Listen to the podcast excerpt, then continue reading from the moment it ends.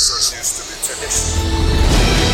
Some of the best speakers in the world. The purpose of business is not to maximize shareholder value. Whoever told you that, shoot them. It brings together so many people and creates this high energy environment. Powerful speakers, powerful audience. In this podcast, I'm delighted to have Dr. Zoe Chance, award winning professor at Yale, expert on persuasion and decision making. And with your recent book on influence is your superpower, I'm super interested to hear what is the takeaway for me as an historian from your kind of knowledge here in Norway. What do you think? Where did I start, Zoe? I'm so happy to meet you, Tor.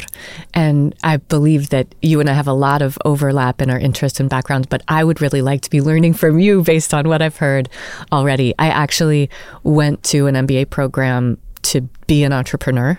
I went to USC in Los Angeles. It was the top entrepreneurship program at the time.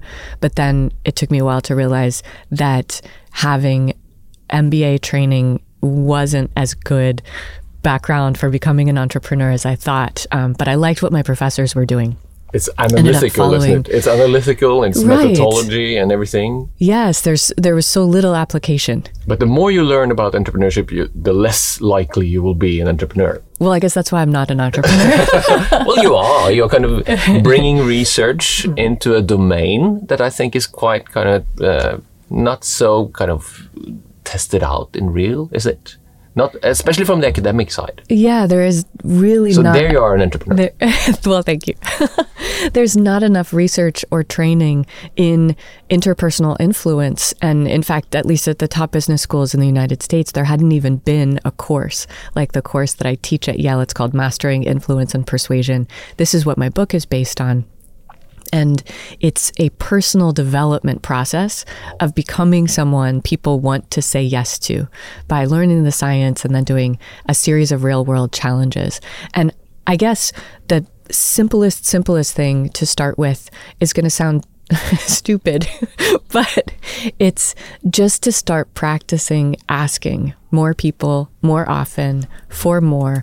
And sounds like, well, maybe that's obvious and you're already very successful, so you're already doing asking.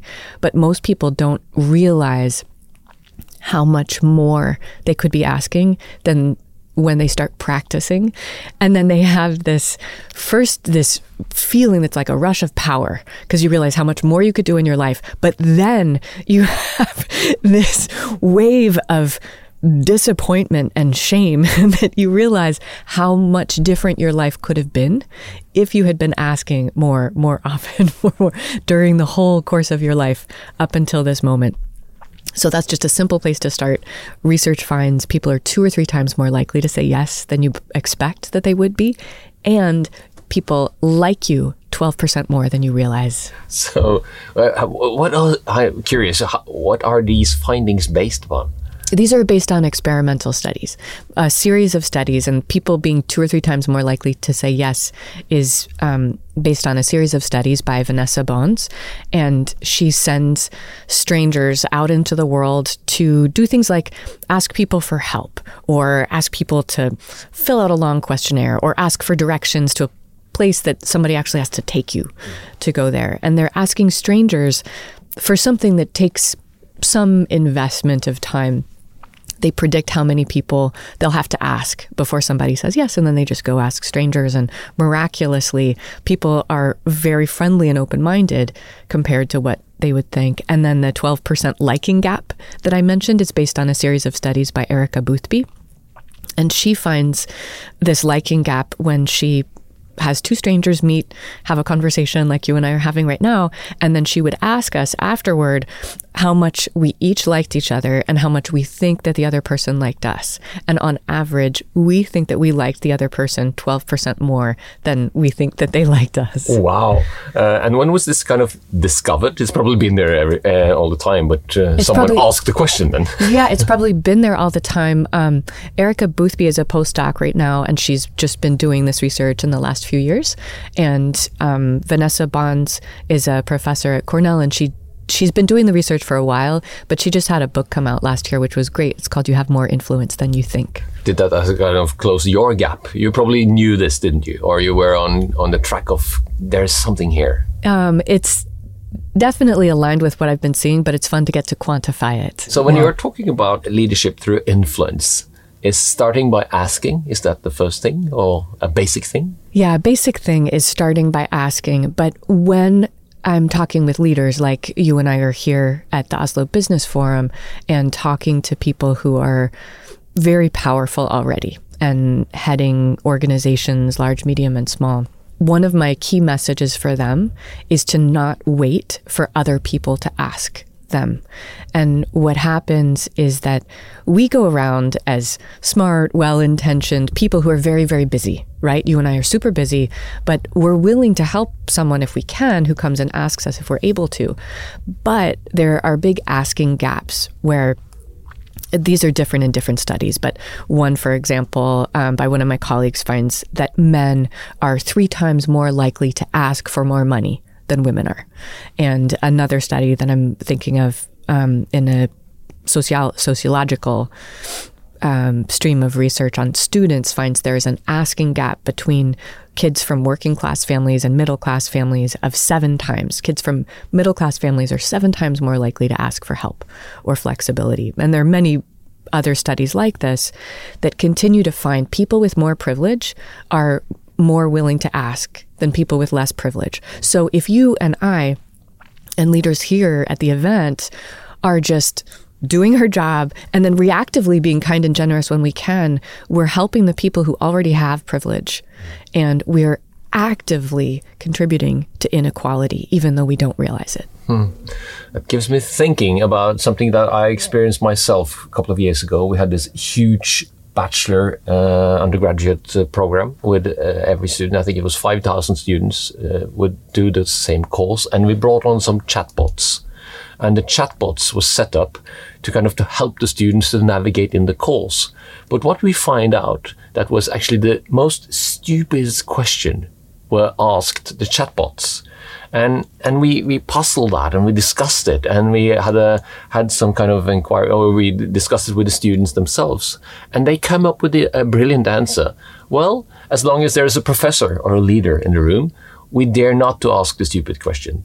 But since we knew that it was a robot it gave us an opportunity to ask maybe things that were not so relevant, but we really wondered about it, Le reading the curriculum or working with the kind of things that requires from us, organizing the whole thing.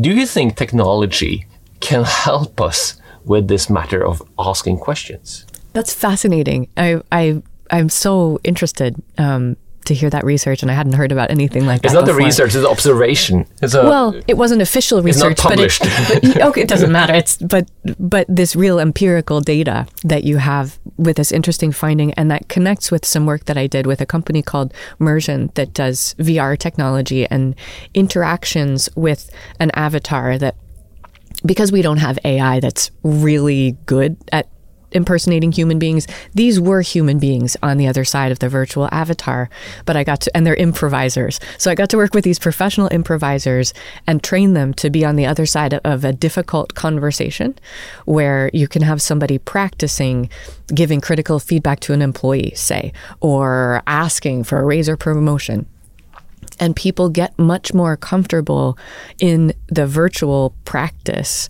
getting to have these difficult conversations to then hopefully be able to ask in the real world. But the more we can get practice with technology whether there's secretly a person on the other side or whether it's a chatbot i think it's great. And what the data that you have makes me think about the helpfulness of virtual therapy with an ai chatbot. Mm. Um, I've played around a little bit with a chatbot that was just really dumb, so it wasn't That's very problem, satisfying.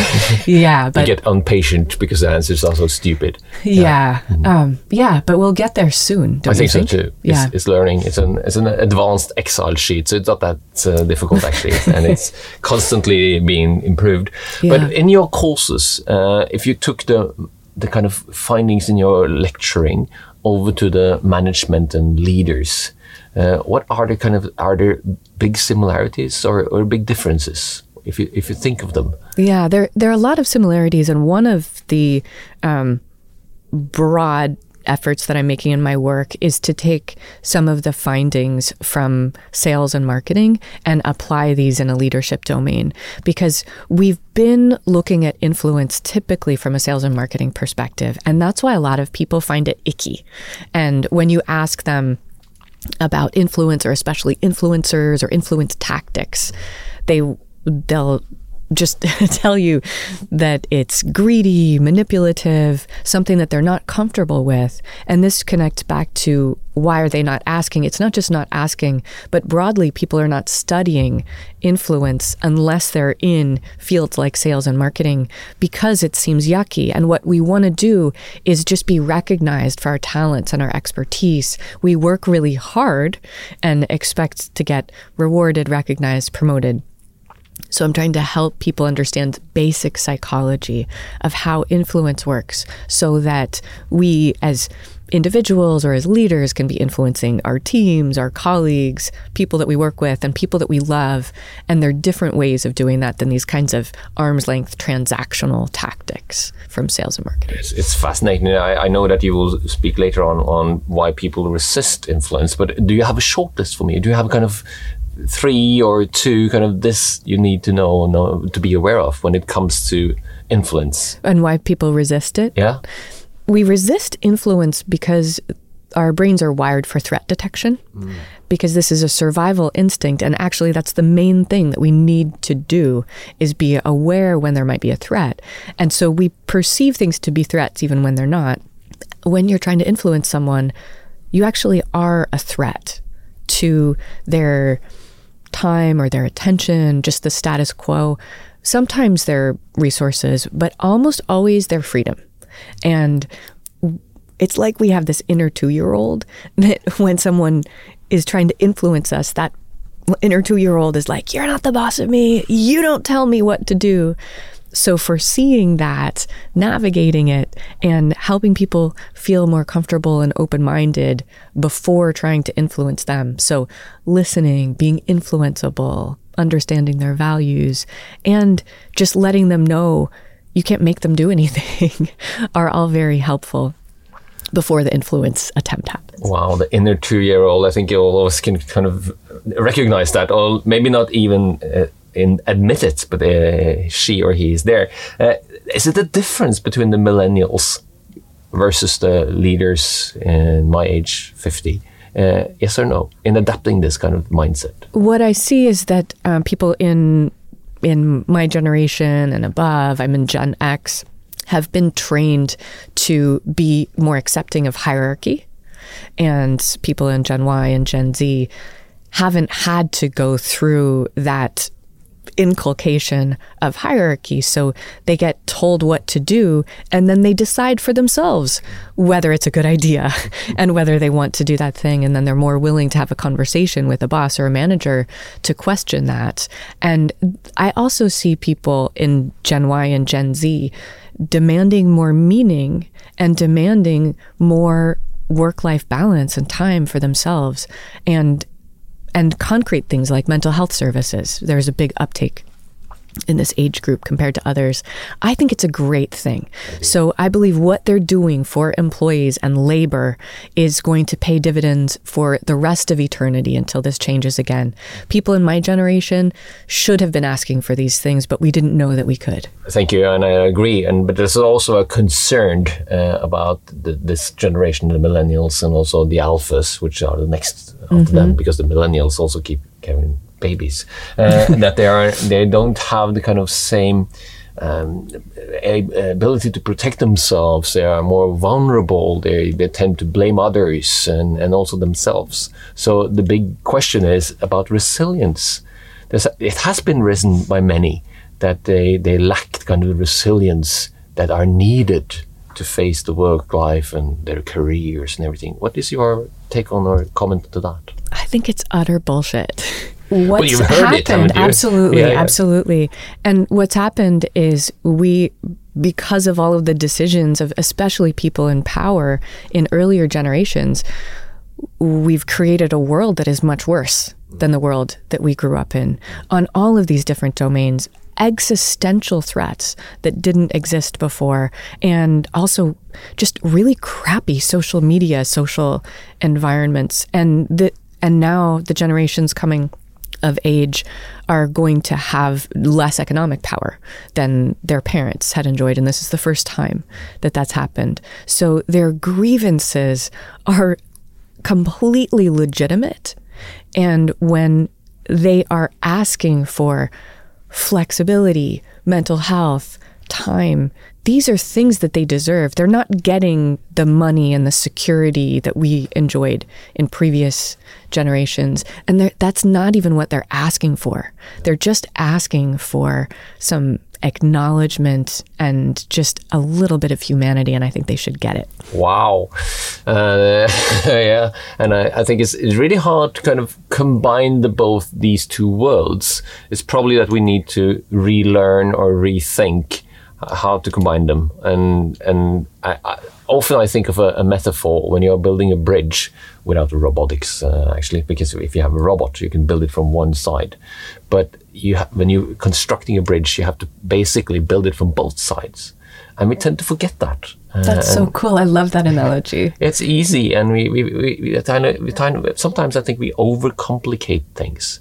And from my point of view, when I talk to leaders, I think they are very concerned about complexity and all kinds of problems, and focusing too much maybe on the problem side. Mm-hmm. And then these millennials comes in with their hopes and dreams and aspirations and ambitions, mm-hmm. and it's really hard to interpret from the one side of the bridge to see how we can build this together. And I wonder in your work and what you're thinking, how can we try to overcome these kind of differences? Or maybe there aren't those many differences. What's your answer to that? Well, It's a big I've question. given you my perspective a bit for the leadership side and for the other side, for the younger employee side. Uh, unfortunate reality is that most bosses are bad bosses. Research by Gallup finds that at least according to their definition of what it takes to be a good manager, 90% of managers are not. And what this means to me is that if you have a boss, it's your responsibility to learn how to manage that relationship effectively. Just give up on the idea that your boss should be good. They're probably not. They haven't been trained to be a good boss which is crazy, but it's reality. And there are all kinds of things you can do to manage your relationship better with your boss. And many of them are simple clear communication, documented check ins about what are you doing? What are you working on? What are your priorities? What's coming next? What help do you need? And when you get something new on your plate, going back to your boss and saying, okay, which of these priorities should we move so that I can take care of this thing for you? It's not rocket science, but we think of bosses as managing relationships, and that needs to shift as well. Wonderful. And but the responsibility is on the leader or the boss side, isn't it? To- Both sides. yeah, but open open up and be kind of admitting it.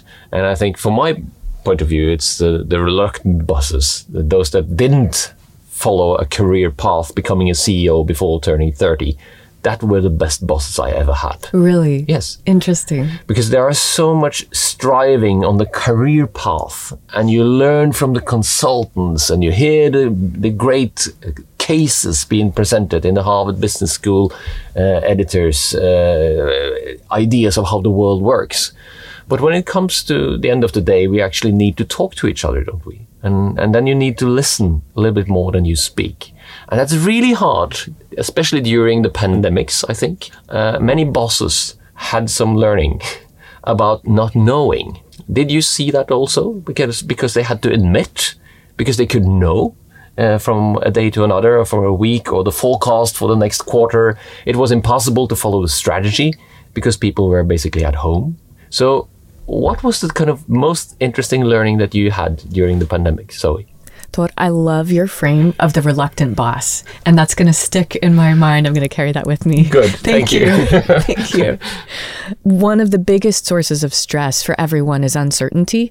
And we're talking about bosses and employees as though these are different people, but most bosses are also employees and facing all of the same stresses. One of the biggest sources of stress is uncertainty. And so, what do you do when you can't give someone much certainty at all? At least what we can do is lay out possibilities and set expectations low and hopes high. This is one of the best things leaders can learn how to do to navigate this dual path of high hopes, low expectations, so that the chances of failure are small and the motivation for something good is high. And this is not just for the company organization projects, but for employees as well to set reasonable expectations and high hopes instead of setting quotas and expectations and pay and compensation at a level that's almost impossible to achieve. So we should be reaching the goals and then striving for something more, celebrating it if it happens rather than expecting that to happen. Wow, that was really good high hopes and low expectations. And I do really understand why your courses are super popular at Yale. I would love to attend one day, as a camouflaged in the back. Then, of course, as I a, hope you come. me, we I love will. having guests. Yeah, that's great. Uh, and also, uh, for the influence is your superpower. I think I understand now also why I should go and read it, and I will, and I will give you some feedback on that, Doctor. Thank you very much for uh, talking to me, and enjoy your stay in Oslo. Thank you for teaching me. I would love to come and take your classes as well. It's been a pleasure, Thor. You will be always welcome. So. Hvis du likte denne podkasten, hadde vi satt utrolig stor pris på om du abonnerte og gir oss en tilbakemelding i avspilleren. Some of the best speakers in the world. The purpose of business is not to maximize shareholder value. Whoever told you that, shoot them. It brings together so many people and creates this high energy environment. Powerful speakers, powerful audience.